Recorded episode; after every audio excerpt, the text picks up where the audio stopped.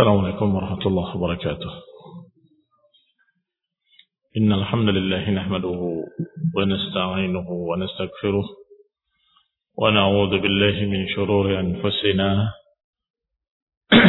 ومن سيئات أعمالنا من يهده الله فلا مضل له ومن يضلل فلا هادي له وأشهد أن لا إله إلا الله وحده لا شريك له وأشهد أن محمدا عبده ورسوله صلى الله عليه وعلى آله وأصحابه والتابعين وتابع التابعين ومن تبعهم بإحسان إلى يوم الدين.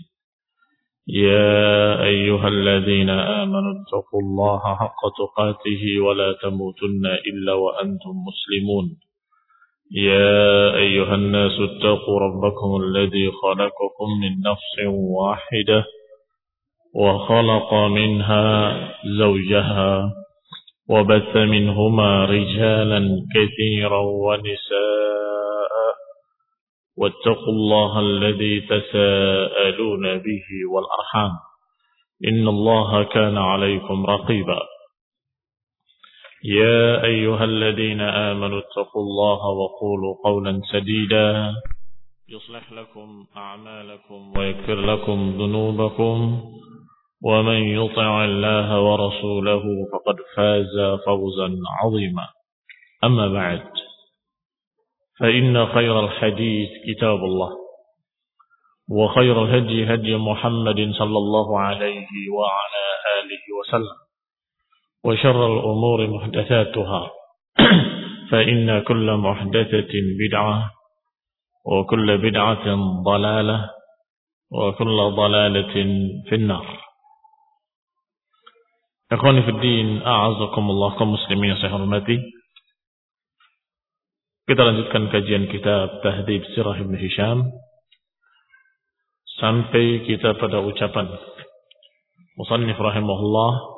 Wa inna Rasulullah sallallahu alaihi wa ala alihi wasallam da'a Khirash ibn Umayyah al-Khuzai fab'athahu ila Quraisy bi Makkah Kemudian sungguhnya Nabi SAW memanggil Khirash Ibnu Umayyah Al-Khuzai dari Bani Khuza'ah dan mengutusnya menemui Quraisy di Mekah. Masih ingat yang kemarin bahwasanya orang-orang Quraisy mengutus beberapa utusan. Yang pertama dan yang kedua di antaranya Urwah yang terakhir Ibnu Mas'ud radhiyallahu taala Urwah bin Mas'ud. Nah, kemudian diutus ternyata dia melihat bukan hanya jawaban Rasulullah SAW bahwa beliau bukan untuk perang, datang hanya untuk umrah, tetapi datang untuk umrah dan beliau lihat juga apa yang dilakukan oleh Rasulullah SAW dan apa yang dilakukan oleh para sahabatnya terhadapnya dan bagaimana penghormatan kaum muslimin terhadap Rasulullah SAW. Sehingga dijawab dengan dua jawaban. Bahwasanya mereka ingin umrah, bukan ingin perang. Dan yang kedua, aku melihat Raja Romawi, Raja Persia, dan juga Raja Habasya atau Raja Najasyi. Tidak pernah aku melihat bagaimana rakyat menghormati rajanya, seperti kaum muslimin menghormati Rasulullah SAW. Sampai kemudian dikatakan ru ra'iyakum. Silahkan. Lihat pendapat kalian. Kata Urwah Ibn Mas'ud. Al-Thaqafi. Wa inna Rasulullah sallallahu alaihi wa ala alihi wasallam da'a Khirash Ibn Umayyah. Maka Rasulullah SAW memanggil lagi satu orang utusan dari Bani Khuza'ah yang bernama Khirash diutus untuk menemui Quraisy di Mekah. Wa hamalahu ala ba'irin lahu yuqalu lahu as-ta'lab. Dipersilahkan utusan tadi menunggang kuda milik uh, unta milik Rasulullah SAW yang bernama Sa'lab. Liyuballig ashrafahum anhu ma ja'a lahu untuk menyampaikan kepadanya apa tujuan beliau datang ke Mekah. Ternyata sampai di tempat Quraisy, fa'aqaru bihi jamal Rasulullah. Mereka justru menyembelih, membunuh unta Rasulullah SAW yang ditunggangi oleh Khirash. Wa aradu qatlahu bahkan ingin membunuhnya. Ingin membunuh Khirash ibnu Umayyah al-Khuzai. Famana'athu al-Ahabish. Tetapi dihalangi oleh al-Ahabish. Al-Ahbash. Al-Ahabish yang kemarin sudah dikisahkan bahwasanya dia kecewa dengan Quraisy karena menghalangi manusia dari Masjidil Haram, menghalangi manusia dari Ka'bah, dari Baitul Atiq. Sehingga mereka sudah kecewa dengan Quraisy. Sehingga ketika utusan ini akan dibunuh oleh Quraisy, Al-Ahabis mencegahnya. Faqallau sabilahu. Akhirnya mereka pun membiarkan utusan tadi kembali menemui Rasulullah sallallahu alaihi wa alihi wasallam. Hatta ata Rasulullah SAW hingga kembali kepada Rasulullah SAW. Thumma da'a Umar bin Khattab liyab'athahu ila Makkah. Kemudian mengutus Umar bin Khattab dipanggil untuk diutus ke Mekah. Fayuballigh anhu ashrafa Quraisy ma ja'alahu untuk menyampaikan kepada tokoh-tokoh Quraisy apa keinginan kaum muslimin. Karena utusan demi utusan tidak dipercaya oleh Quraisy.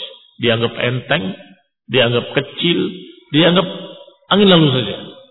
Maka cari orang yang kira-kira pas.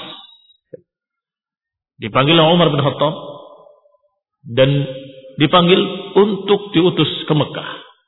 Tetapi Umar bin Khattab menjawab memiliki usulan lain. Ya Rasulullah, ini akhafu Quraisyan ala nafsi. Ya Rasulullah, aku mengkhawatirkan Quraisy terhadap diriku. Walaysa bi Makkah min Bani Adi. Sedangkan di Mekah tidak ada dari suku Bani Adi yang bisa menghalangiku dari tangan-tangan Quraisy yakni tidak ada sukunya Umar bin Khattab karena Umar bin Khattab adalah dari Bani Adi. Laisa bi Makkah min Bani Adi ibni Ka'ab ahadun yamna'uni. Di sana enggak ada suku Bani Adi yang bisa membelaku atau bisa melindungiku. Wa qad arafat Quraisyun adawati iyaha. Sedangkan Quraisy tahu bagaimana kerasnya permusuhanku terhadap mereka. Wal ghilbati alaiha dan bagaimana kasarnya aku pada mereka. Sehingga kalau aku ke sana, mereka akan mudah melampiaskan dendamnya dalam keadaan tidak ada suku yang membela. Walakinni adulluka ala rajulin a'azza. Tetapi aku punya usulan seorang laki-laki yang lebih mulia dari aku. A'azza minni. Lebih mulia di kalangan Quraisy daripada aku. Yaitu Utsman ibn Affan radhiyallahu taala anhu. Karena suku Utsman bin Affan di Quraisy sangat besar. Nah, dan mereka segan kepada suku yang besar plus takut. Kalau menganiaya seorang dari suku yang besar, tentunya dia berarti menantang suku besar. Fada'a Rasulullah SAW Utsman bin Affan, faba'atha. Maka Rasulullah pun memanggil Utsman bin Affan kemudian diutusnya ke Mekah. Menemui Abi Sufyan wa asyrafi Quraisy menemui Abu Sufyan dan tokoh-tokoh Quraisy. Yukhbiruhum annahu lam ya'ti li harbin untuk menghabarkan bahwasanya Rasulullah SAW tidak datang untuk perang. Wa annahu innama ja'a zairan li hadzal bait dan bahwasanya kami masuk hanya menziarahi bait Baitullah Al-Haram wa mu'azziman li hurmatihi dan untuk mengagungkan dan menghormati kesuciannya. Wa kharaja Utsman ila Makkah. Maka Utsman pun keluar menuju Makkah. Falaqiyahu Aban ibni Sa'id ibni al Di jalan Utsman ditemui oleh seseorang yang bernama Aban ibni Sa'id ibni al-As. Hina dakhala Makkah ketika hampir masuk ke Makkah. Au qabla an yadkhulaha atau sebelum masuknya sudah ketemu dengan Aban ibni Sa'id ibni al-As. Fahamalahu baina yadayh. Maka dibawa di depannya. Thumma ajarahu hatta ballagha risalah Rasulullah SAW. Kemudian dilindungi, diberikan jiwar. Dan biasanya kalau diberikan jiwar itu dengan diumumkan. Maka Aban Ibn Sa'id bin Al-As akan mengatakan kepada orang-orang Quraisy dan tokoh-tokohnya khususnya bahwasanya Utsman di bawah perlindunganku ala jiwari artinya kalau siapa yang mengganggu berarti berurusan dengan aku dan suku dengan kabilahku. Maka dilindungi sampai menyampaikan risalah Rasulullah SAW menyampaikan pesan dari Rasulullah SAW Fantalaqa Utsman hatta ata Abu Sufyan. Maka berangkatlah Utsman menemui Abu Sufyan. Wa udhama'i Quraisy dan tokoh-tokoh besar Quraisy Faballaghahum an Rasulullah SAW ma arsalahu bihi. Maka disampaikan kepada mereka apa yang dibawa dari pesan Rasulullah SAW kepada mereka. Faqalu li Uthman hina farigha min risalati Rasulullah SAW. Ketika selesai Uthman menyampaikan pesannya. Qalu. Mereka berkata kepada Uthman. In syi'ita. Antatuf bil baiti fatuf. Kalau kau suka untuk tawaf di Ka'bah. Silahkan. Tawaflah. Ini untuk Utsman khusus. Kalau engkau yang ingin tawaf, silahkan. Tawaflah. Faqala ma kuntu li'af'ala hatta yatufa bihi Rasulullah sallallahu Aku tidak akan tawaf sampai Rasulullah sallallahu tawaf. Wahtabasathu Quraisyun indaha. Maka ketika itu orang-orang Quraisy menahan Utsman radhiyallahu taala anhu. Fabalagha Rasulullah SAW wal muslimin anna Utsman bin Affan qad qutila. Maka beritanya sampai kepada Rasulullah SAW dan sampai pula kepada kaum muslimin kalau Utsman bin Affan dibunuh. Demikian ikhwan ibn a'azakumullah tersiar berita qutila Utsman terbunuh Utsman terbunuh Utsman. Karena pada waktu kembalinya tidak kembali sampai beberapa lama. Qala Ibnu Ishaq, berkata Ibnu Ishaq, "Fahaddatsani Abdullah ibni Abi Bakar menyampaikan kepada aku Abdullah ibni Abi Bakar bahwa Rasulullah SAW qala hina balaghahu anna Utsman qad qutil bahwa Rasulullah SAW berkata ketika sampai beritanya bahwa Utsman terbunuh maka beliau mengatakan la nabrah hatta nunajizal qaum sungguh kita tidak akan beranjak dari sini sampai kita menghadapi mereka kaum tersebut. Pada Rasulullah SAW an-nasa ilal bay'ah. Maka Rasulullah SAW mengajak manusia untuk berbaiat, untuk bersumpah setia. Fakanat bay'atul ridwan tahta syajarah. Maka terjadilah bay'atul ridwan tahta syajarah. Di sini kananya bukan kana naqisah, tapi kana yang tamah, yang mananya terjadi, yang tidak membutuhkan khabar. Fakanat bay'atur ridwan. Maka terjadilah bay'atur ridwan. Tahta syajarah. Di bawah sebuah pohon.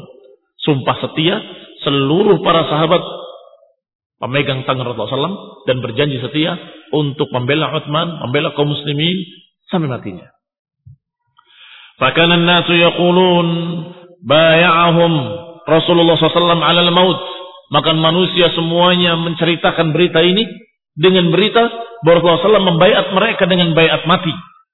yakni mereka semuanya disumpah dengan sumpah mati. Sumpah mati itu sumpah untuk berjuang sampai mati. Sesungguhnya lafadznya tidak begitu. Diceritakan oleh Jabir bin Abdullah radhiyallahu taala anhu, "Inna Rasulullah SAW lam yubayyana 'alal maut." Sesungguhnya Nabi SAW bukan menyumpah kita atau meminta kita bersumpah untuk mati, bukan. Walakin baya'ana ala alla nafir. Rasulullah meminta kita untuk berbayat, bersumpah setia bahwa kita tidak akan lari. Isinya begitu. Ini berperang dan tidak lari. Ya maknanya hampir sama. Kalau tidak lari sampai menang atau mati. Itu maknanya. Allah nafir. Bahwa kita tidak akan lari. Kita akan berperang imma sampai menang atau sampai mati. Fabaya Rasulullah SAW An-Nas. Maka Rasulullah SAW membaiat mereka di bawah pohon tersebut. Sehingga dijuluki dengan bayatul ridwan. Atau bayat tahta syajarah. Walam yatakhallaf anhu ahadun minal muslimin. Dan tidak ada yang menyelisihi seorang pun dari kaum muslimin. Ini tidak ada yang tidak ikut. Kecuali satu orang. Al-Jad ibn Qais.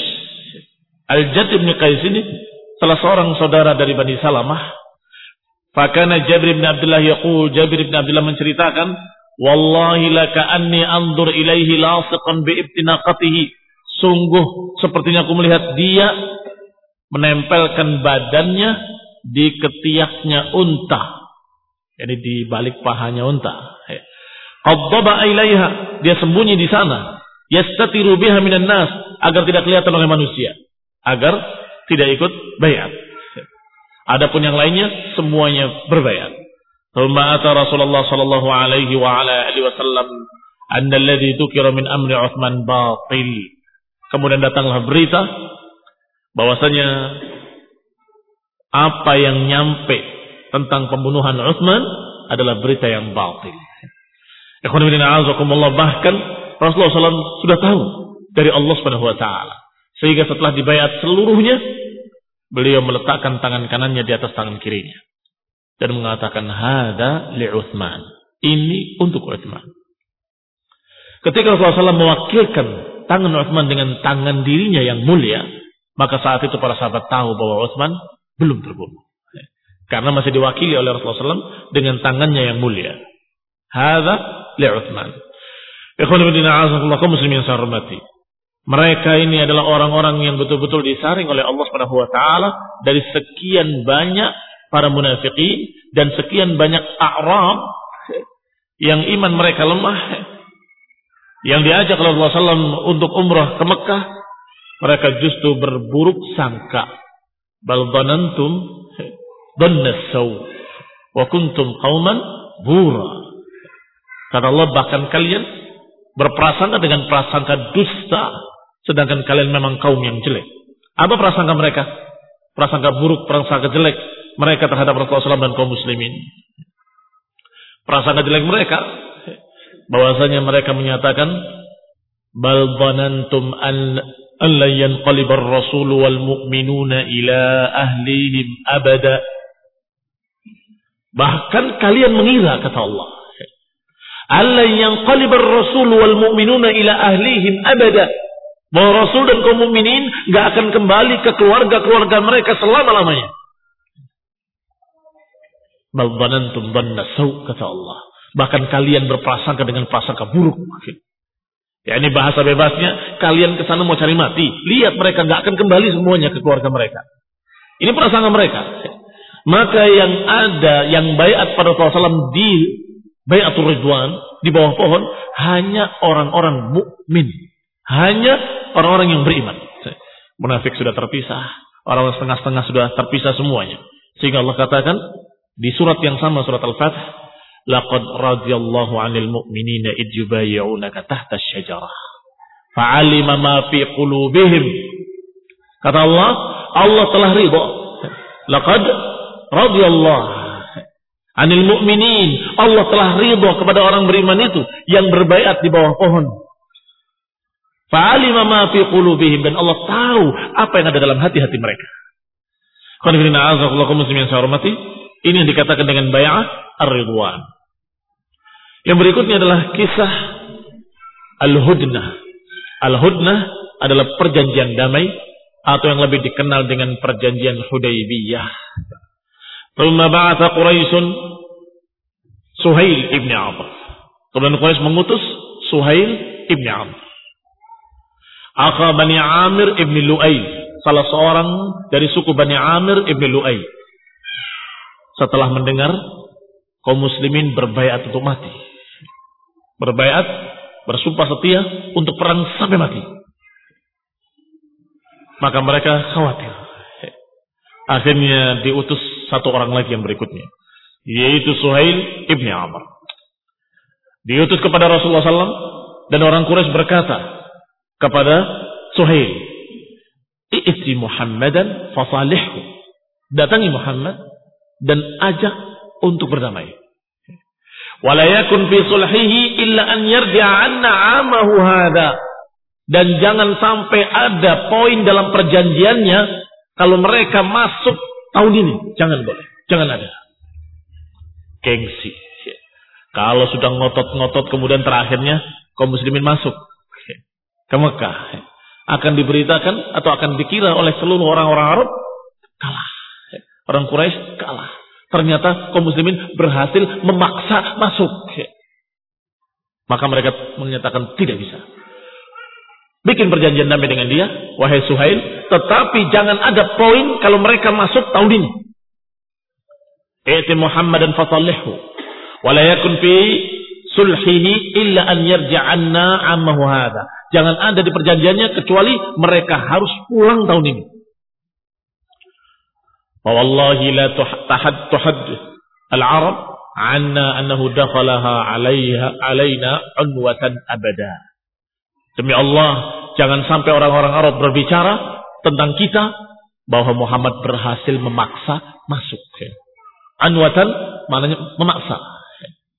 Jangan sampai mengira orang-orang Arab bahwa kaum muslimin Muhammad berhasil memaksa masuk. Fa'atahu Suhail. Maka Suhail datang menemui Rasulullah sallallahu alaihi wa ala alihi wasallam. Ra'ahu Rasulullah sallallahu alaihi wa ala alihi wasallam muqbilan Ketika Nabi melihat Suhail bin Amr datang, Nabi sudah tahu dari Allah Subhanahu wa taala. Qad arada al-qaum as-sulha hina ba'athu hadha ar-rajul. Mereka menginginkan perjanjian kalau mengutusnya orang ini. Karena dari ciri-cirinya terlihat. Kalau yang pertama ghadir kata Nabi, ini orang ghadir pengkhianat. Maka nggak ada apa-apanya. Nggak bisa diajak bicara. Yang kedua, diutus dari Ahabis, tokoh-tokoh Ahabis. Karena Nabi mereka adalah orang yang ahli ibadah. Ya walaupun masih musyrikin, tapi kenal Allah Subhanahu wa taala. Maka tunjukkan kurban-kurban kita. Niscaya mereka akan terpengaruh. Ternyata benar dugaan Rasulullah SAW. Ternyata ketika yang diutusnya Suhail bin Amr ini tukang ngomong, pandai berbicara. Nggak pandai perang, nggak pandai main pedang, nggak pandai apa-apa. Tapi pintar ngomong. Ketika anda lihat Suhail bin Amr, maka dikatakan berarti mereka menginginkan untuk berdamai. Ini untuk bicara.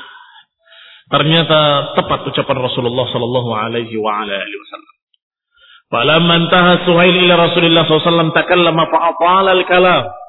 Ketika sampai Suhail menemui Rasulullah SAW, maka berbicara Suhail wa atalal kalam dan berbicara dengan panjang lebar. Ya, memang keahliannya ngomong. Wa taraja'a thumma jara bainahuma salah. Terjadilah antara beliau dengan Rasulullah SAW, antara Suhail dengan Nabi SAW terjadi perjanjian damai. Falamma ilta'amal amru walam yabqa illa kitab. Ketika sudah selesai urusan tidak tersisa kecuali penulisan. Ini isi-isinya pokoknya sudah setuju.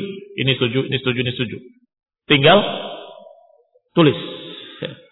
Wasaba Umar bin Khattab fa'at Abu Bakar. Maka Umar bin Khattab gelisah. Menerkan Abu Bakar menerkam Abu Bakar dan berkata, "Ya Abu Bakar, alaisa bi Rasulillah? Bukankah beliau ini Rasulullah?" Qala bala, tentu. Qala awalasta bil muslimin? Bukankah kita kaum muslimin? Tentu, kata Abu Bakar. Qala alaisul bil musyrikin? Bukankah mereka itu musyrikin? Qala bala, tentu kata Abu Bakar. Qala fa'ala ma nu'ti Kalau begitu untuk apa kita memberikan kehinaan ini? Untuk apa kita menerima ad-daniyah, kerendahan. Karena poin-poin perjanjiannya seakan-akan memojokkan kaum muslimin. Pertama, tidak boleh masuk tahun ini pulang semua. Ini sudah satu poin yang merasa kaum muslimin direndahkan. Yang kedua, kalau ada kaum muslimin yang murtad ke Mekah, tidak boleh dikembalikan ke Madinah.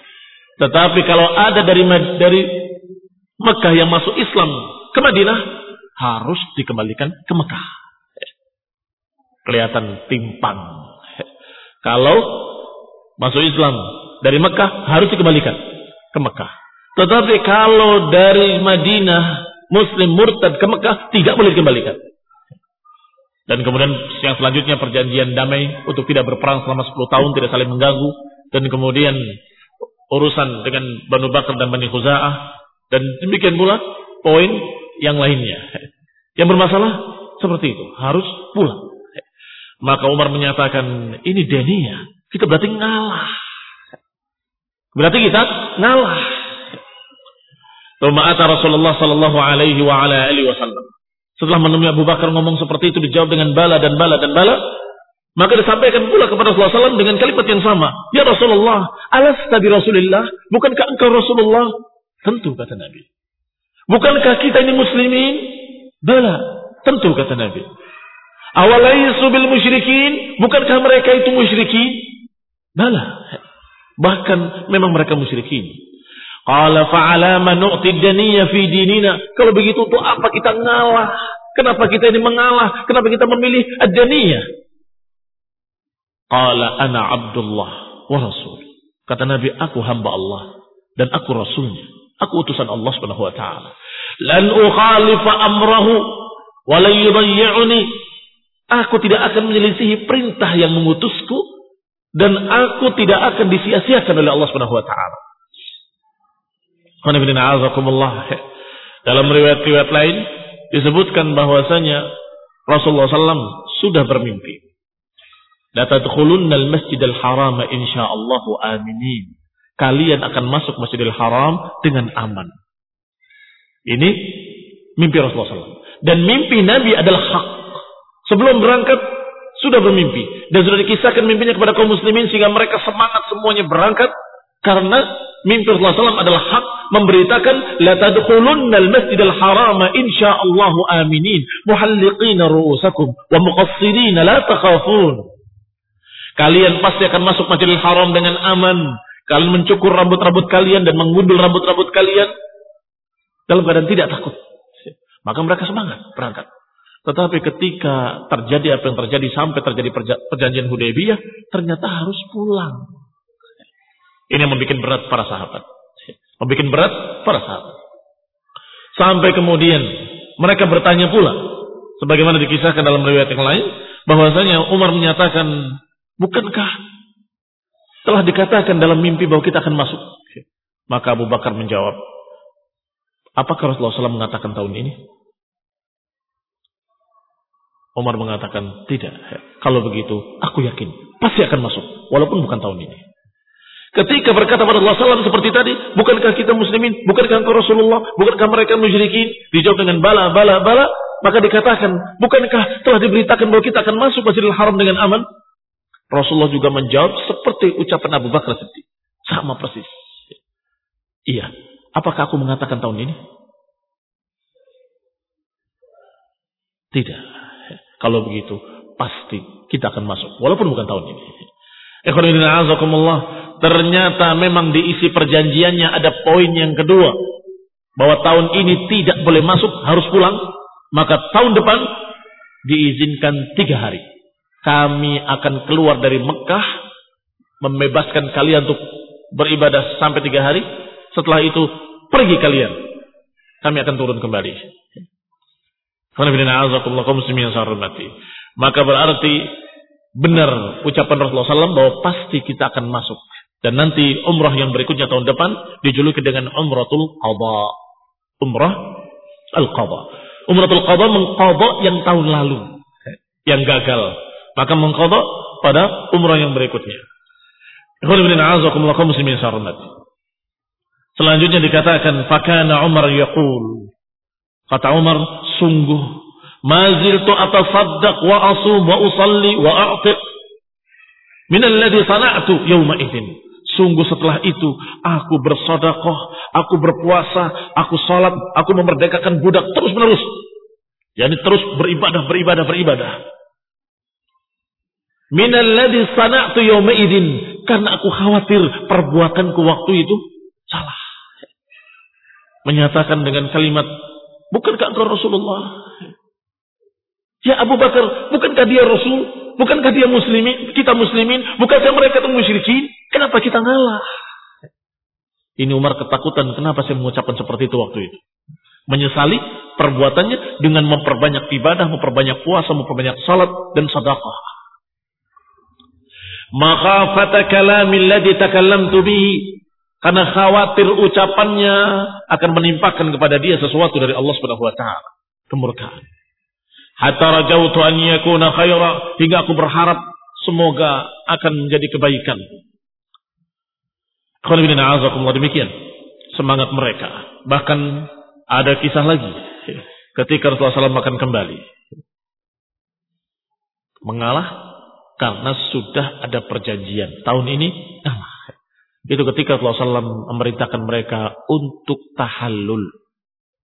Tahallul dengan mencukur rambut mereka. Sudah selesai.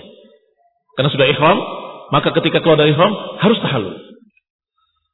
Ketika mereka mau bertahallul, diperintahkan tahallul, tidak ada yang bergerak, diam semua. Karena mereka gelisah. Kenapa? Kita sudah pakai pakaian ihram ini, kok nggak masuk ke Mekah? Kok pulang? Rasulullah mengucapkan mereka diam. Rasulullah mengucapkan mereka diam. Sampai masuk ke kemah istrinya dalam keadaan muka yang sangat sedihnya. Maka istrinya bertanya kepadanya, Ya Rasulullah, apa yang menyebabkan kau bersedih? Ceritakan. Aku memberitakan mereka untuk mencukur rambut-rambut mereka untuk tahallul. Sungguh tidak seorang pun yang bergerak. Betapa besarnya ujian saat itu. Ujian ketaatan. Sampai istrinya menghibur. Ya Rasulullah, mereka kaum muslimin, mereka mukminin, mereka beriman pada Allah dan Rasul. Kalau engkau keluar dan mencukur rambutmu, niscaya mereka pun akan mengikuti semuanya. Maka diikuti anjuran istrinya. Keluar dan dicukur oleh istrinya rambut. Begitu melihat Rasulullah SAW dicukur rambutnya, berarti sudah selesai. Tahallul. Berarti benar-benar akan pulang. Maka semuanya saling mencukur rambut mereka sampai kata perawi, wallahi sepertinya mereka saling bunuh dengan pisau-pisau mereka. Sepertinya mereka saling menikam dengan pisau-pisau mereka. Karena saling cukur rambut mereka. Demikian azakumullah ujian berat bagi Rasulullah SAW dan bagi para sahabat. Harus menerima apa kata Allah dan apa kata Rasulnya. Walaupun menurut perasaan kita ini berarti ngalah. Ini berarti kita ngalah sama orang kafir. Masa sama orang kafir ngalah? Kau muslimin yang saya hormati. Ternyata apa yang dilihat oleh Allah Subhanahu wa taala adalah sesuatu yang jauh yang tidak dilihat oleh manusia. Allah Subhanahu wa taala Allamul Ghuyub, Maha mengetahui yang gaib. Bahwa semua poin-poin perjanjian tersebut ujung-ujungnya nanti jadi kebaikan buat kaum muslimin. Yang pertama, tidak umroh saat itu, tapi tahun depan. Apa keuntungannya bagi kaum muslimin? Kalau saat itu memaksa, maka tidak aminin. Iya kan? Bukan aman berarti. Akan terjadi kekacauan. Bahkan bisa jadi peperangan atau pertumbangan darah. Dan itu tidak sesuai dengan mimpi Rasulullah SAW. La tadkhulunna al-masjidil haram insyaallah aminin. Aman. La takhafun, tanpa takut. Berarti tahun depan diberi kesempatan oleh Quraisy sendiri dengan perjanjian tiga hari bebas melakukan ibadah di sana. Maka benar-benar aman mereka melakukan pada umratul Allah. Yang kedua, berdamai, tidak berperang, tidak saling mengganggu 10 tahun. Sungguh wallah. Ini yang namanya al-fathu Sungguh demi Allah, ini yang namanya kemenangan dan pembukaan. Sehingga ketika disebutkan dalam tafsir ayat Allah Subhanahu wa taala, "Inna fatahna laka fathan mubina", ternyata bukan Fatu Mekah, tapi Hudaybiyah. Bukan Fatu Mekah, tetapi Hudaybiyah. Kenapa Hudaybiyah dikatakan Al-Fathu?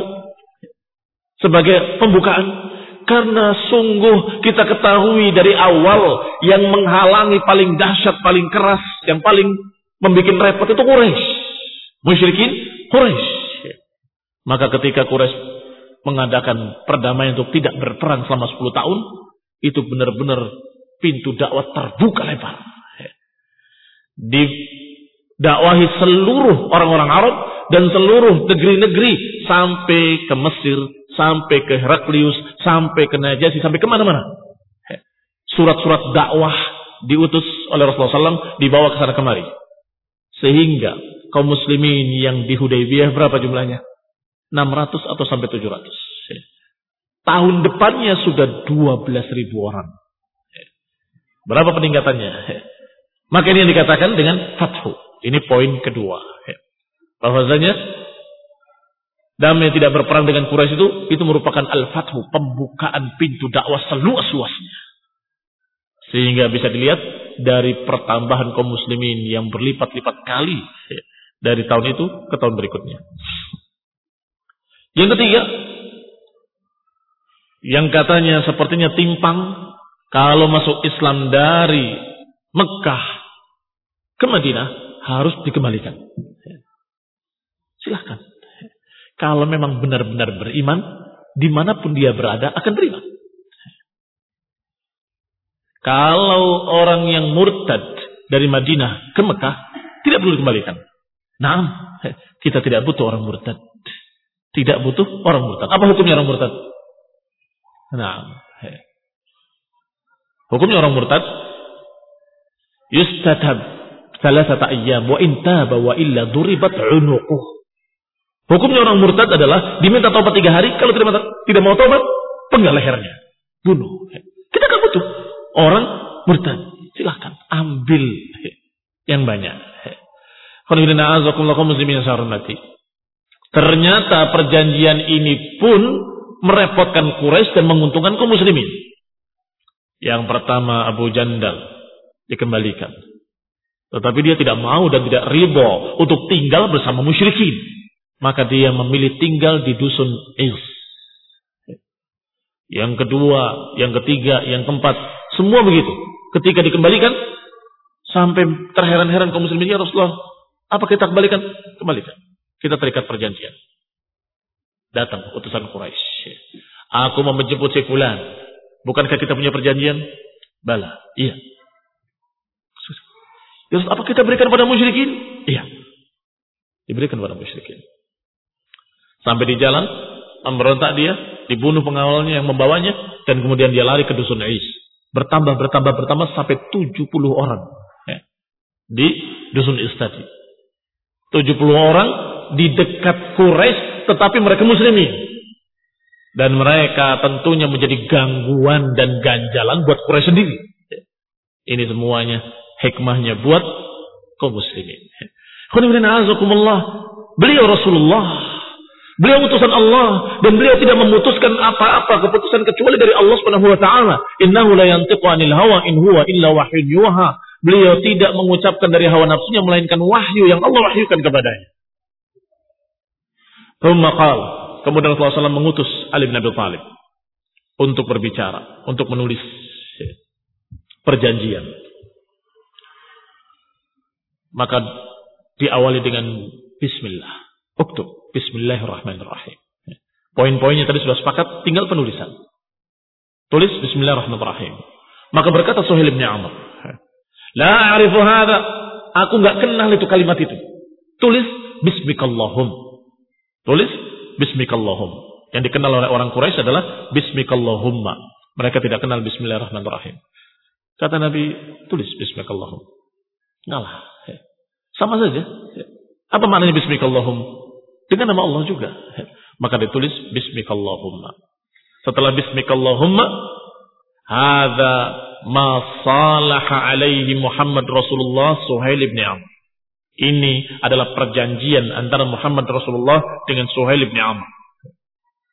Suhail bin Amr menolak lagi. Qal dia berkata, "Lau syahidtu annaka Rasulullah, lam uqatilak." Kalau aku percaya bersaksi engkau Rasulullah, enggak akan aku memerangi kamu. Jangan tulis Rasulullah.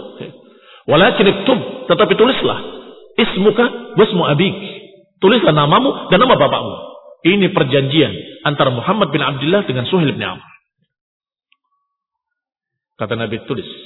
Ini perjanjian antara Muhammad bin Abdullah dengan Suhail bin Amr. Kata Ali bin Abi Thalib, "Wallah, demi Allah aku nggak akan menghapus tulisan Rasulullah dalam kertas ini." Kata Nabi, "Dulluni alaih." Tunjukkan yang mana. Aku yang menghapusnya. Karena Nabi ummi, tidak membaca, tidak menulis. Tunjukkan yang mana, aku hapus. Maka Rasulullah dia menghapus. Karena Ali sudah bersumpah, Wallahi aku tidak akan menghapus. Dihormati sumpahnya. Engkau jangan menghapus, aku yang menghapus. Ini khulunina azakumullah. Yang dilihat adalah apa yang nanti jadi perjanjian, yang jadi kebaikan betul muslimin.